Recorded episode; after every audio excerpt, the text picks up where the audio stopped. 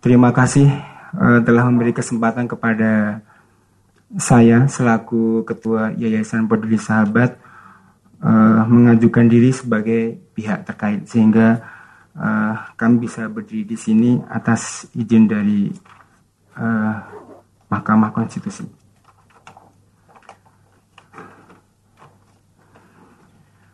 Sebagian kita hanya akan membaca yang penting-penting saja karena kita hanya akan menyampaikan fakta dan data. Ya, silakan poin-poin. Ya. Sebelumnya kami ingin memperkenalkan diri dulu apa itu Yayasan Peduli Sahabat. Sesuai dengan maksud dan tujuan didirikannya Yayasan Peduli Sahabat sebagaimana termuat dalam pasal 2 anggaran dasarnya. Yayasan Peduli Sahabat bergerak dalam bidang sosial, keagamaan dan kemanusiaan dan secara spesifik Yayasan Peduli Sahabat atau selanjutnya disebut Peduli Sahabat menghususkan kiprahnya melakukan kegiatan pendampingan terhadap orang-orang yang mengalami ketertarikan terhadap sesama jenis atau same sex attraction. Untuk selanjutnya disebut SSA melakukan kegiatan pendampingan terhadap orang-orang yang mengalami kecanduan terhadap pornografi, gadget, game, serta melakukan edukasi mengenai dunia non heteroseksual, termasuk di dalamnya di sini LGBT.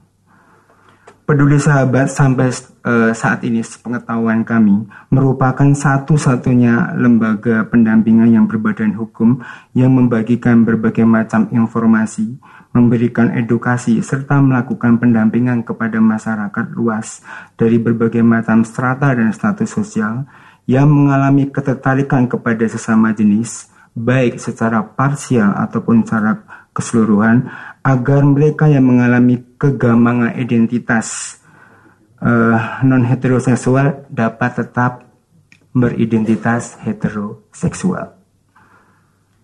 Dan dalam kegiatan pendampingan, peduli sahabat memberikan layanan konsultasi terhadap lainnya, memanfaatkan sarana media online, chatting, dan sebagainya dengan tujuan untuk menanamkan kesadaran kepada klien kami bahwa apa saja masalah di dunia ini, termasuk ketertarikan sesama jenis, tetap diselesaikan berdasarkan norma agama, undang-undang, dan kultur setempat.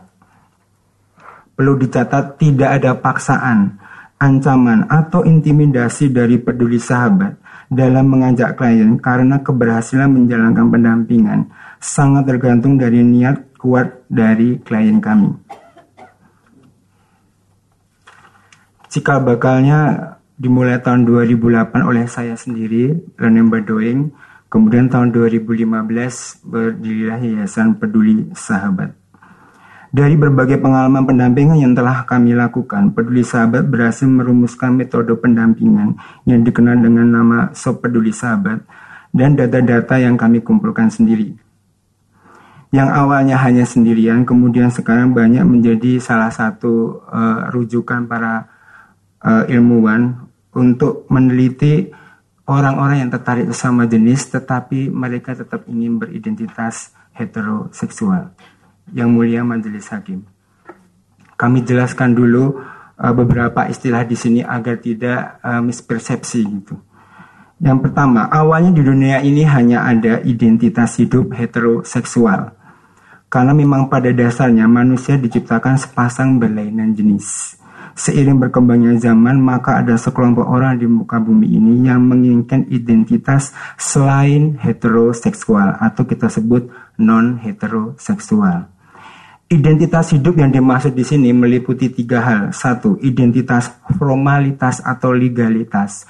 Contohnya KTP, kartu keluarga, dan lain-lain. Yang kedua, identitas sosial bahwa masyarakat harus menerima keberagaman sosial sehingga segala hal yang berbeda dianggap sebagai sesuatu yang wajar selama tidak melanggar undang-undang.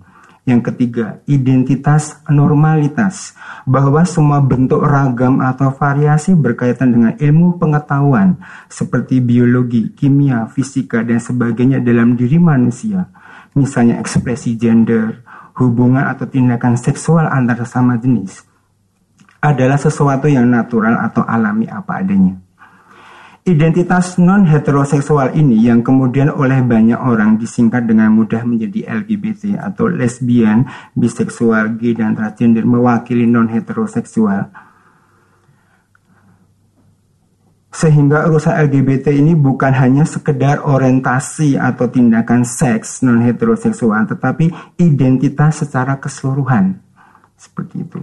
Banyak orang tidak mengetahui bahwa ada kelompok lain yang berorientasi seksual sesama jenis baik secara parsial atau sebagian, tetapi secara sadar dia tetap ingin beridentitas heteroseksual, tidak ingin beridentitas LGBT. Secara gamblang kita akan menyebut seseorang beridentitas LGBT jika memenuhi dua syarat. Pertama, dia mengakui bahwa ketertarikan sesama jenis atau non heteroseksual itu adalah anugerah kebaikan dari Tuhan yang harus disikapi dengan rasa syukur. Syukur berarti bahagia atau G. Gitu. Yang kedua, dia menginginkan identitas LGBT. Nah, di satu sisi ada kita menyebutnya orang SSA atau same sex attraction Berkebalikan dengan yang tadi, dia mengakui bahwa ketertarikan sesama jenis non heteroseksual itu anugerah kebudukan dari Tuhan yang harus disikapi dengan kesabaran. Jadi secara sadar dia menganggap Iya, tertarik sesama jenis, tetapi itu sebagai cobaan hidup dan harus diterima dengan kesabaran gitu. Dan yang kedua, dia tidak ingin beridentitas hetero, uh, dia tetap ingin beridentitas heteroseksual. Dengan kata lain, orang dengan SSA ini jelas berbeda dengan apa yang disebut gay indenial dan sebagainya. Bahwa kita tidak mereka tidak menginginkan beridentitas non heteroseksual walaupun tertarik sesama jenis. Jadi mereka tetap ingin hidup sebagai orang heteroseksual.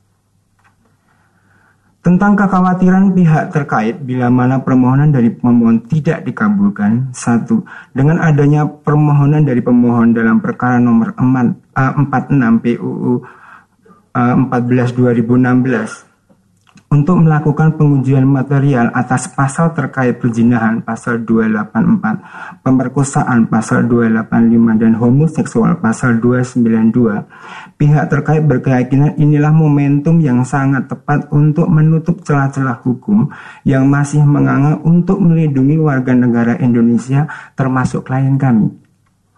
Bahwa para klien dari peduli sahabat dengan ketertarikan terhadap sesama jenis yang sedang dalam masa pendampingan merasa dirugikan atas implementasi pasal 284 ayat 1, ayat 2, ayat 3, ayat 4 dan ayat 5, pasal 285 dan pasal 292 Kitab Undang-Undang Hukum Pidana.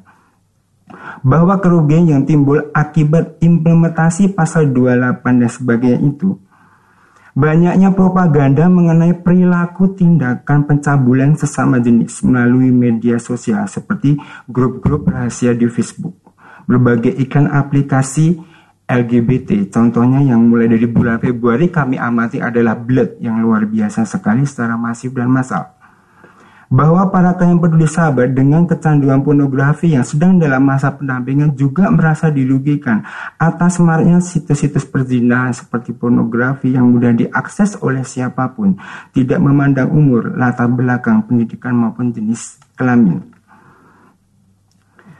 Klien peduli sahabat juga uh, merasa banyak mendapatkan uh, ancaman dari uh, pihak LGBT karena mereka ingin keluar tetapi juga uh, tidak dibolehkan gitu. Yang pertama, mereka yang peduli sahabat baik heteroseksual ataupun non heteroseksual yang ingin keluar dari dunia seks sesama jenis atau relasi cinta sesama jenis sering kesusahan bahkan mendapatkan ancaman atau intimidasi karena adanya uh, tidak adanya payung hukum tentang hal ini. Sebagaimana yang saya sertakan di situ ada contoh-contohnya bagaimana mereka uh, cara mengancamnya dengan uh, memberikan video, ancaman dan sebagainya. Kemudian yang kedua, pihak peduli sahabat yang ingin tetap beridentitas heteroseksual benar-benar digembur oleh media dengan iklan-iklan mesum dan cabul dari kelompok LGBT yang tidak terbatas.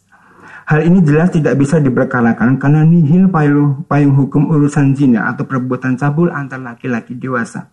Kami sudah menyampaikan di situ ada gambar di di Mass Effect, kemudian berbagai iklan yang muncul setiap saat di aplikasi berbagai aplikasi, ada Twitter, Android dan sebagainya. Sudah saya sertakan di situ. Dan itu benar-benar sangat mengganggu bagi klien kami. Jangankan bagi orang umum yang merasa dalam tanda kutip cicip, bagi klien kami yang tertarik sama jenis itu betul-betul sangat membangkitkan gairah untuk melakukan tindakan homoseksual. Yang ketiga, klien peduli sahabat juga kita menerima para wanita yang menikah dengan orang-orang LGBT. Jadi orang-orang LGBT di Indonesia ini ada sebagai yang menikah karena pura-pura dipaksa oleh uh, keluarganya, oleh masyarakat dan sebagainya. Sehingga ketika para istri ini mau meminta cerai dan sebagainya, mereka kebingungan. Karena nggak ada bukti, karena selingkuh sesama jenis tidak bisa dijadikan bukti dan sebagainya. Seperti itu. Itu saja yang mulia, karena kami dalam tanda kutip buta hukum, jadi tidak begitu paham pasal-pasal. Yang jelas kami ada uh, tidak untuk mencaci dan memaki. Bahwa selama ini uh, kaum LGBT dan kaum feminisme di Indonesia menyatakan bahwa mereka banyak di, disakiti oleh masyarakat dan sebagainya, kita ada. Di sini kita memberi solusi bagi yang mau seperti itu dan kita juga berdamai dengan mereka. Bagi siapa yang ingin beridentitas heteroseksual, kita dampingi. Contohnya, bagi kita yang heteroseksual, malam pertama tidak jadi masalah, bahkan senang. Bagi laki-laki yang tertarik sesama jenis, Jangankan melihat istrinya, melihat Luna Maya dan sebagainya mereka mutah-mutah mual-mual gitu. Dan itu kita ajarkan sampai di malam pertama. Demikian tentang uh, permintaan kita yaitu mengabulkan permohonan pihak uh, pemohon untuk mengabulkan karena klien peduli sahabat adalah juga warga negara Indonesia yang ingin berbuat baik. Kalau selama ini tidak ada selisih, kami adalah sementara ini masih menjadi satu-satunya lembaga resmi yang mempunyai metode untuk mendampingi mereka, tidak untuk mengubah orientasi seksualnya, tetapi mendampingi mereka jika ingin tetap beridentitas heteroseksual, kami, kami ajari dan kami uh, dampingi. Sekian, minta maaf jika ada salah kurangnya. Wassalamualaikum warahmatullahi wabarakatuh.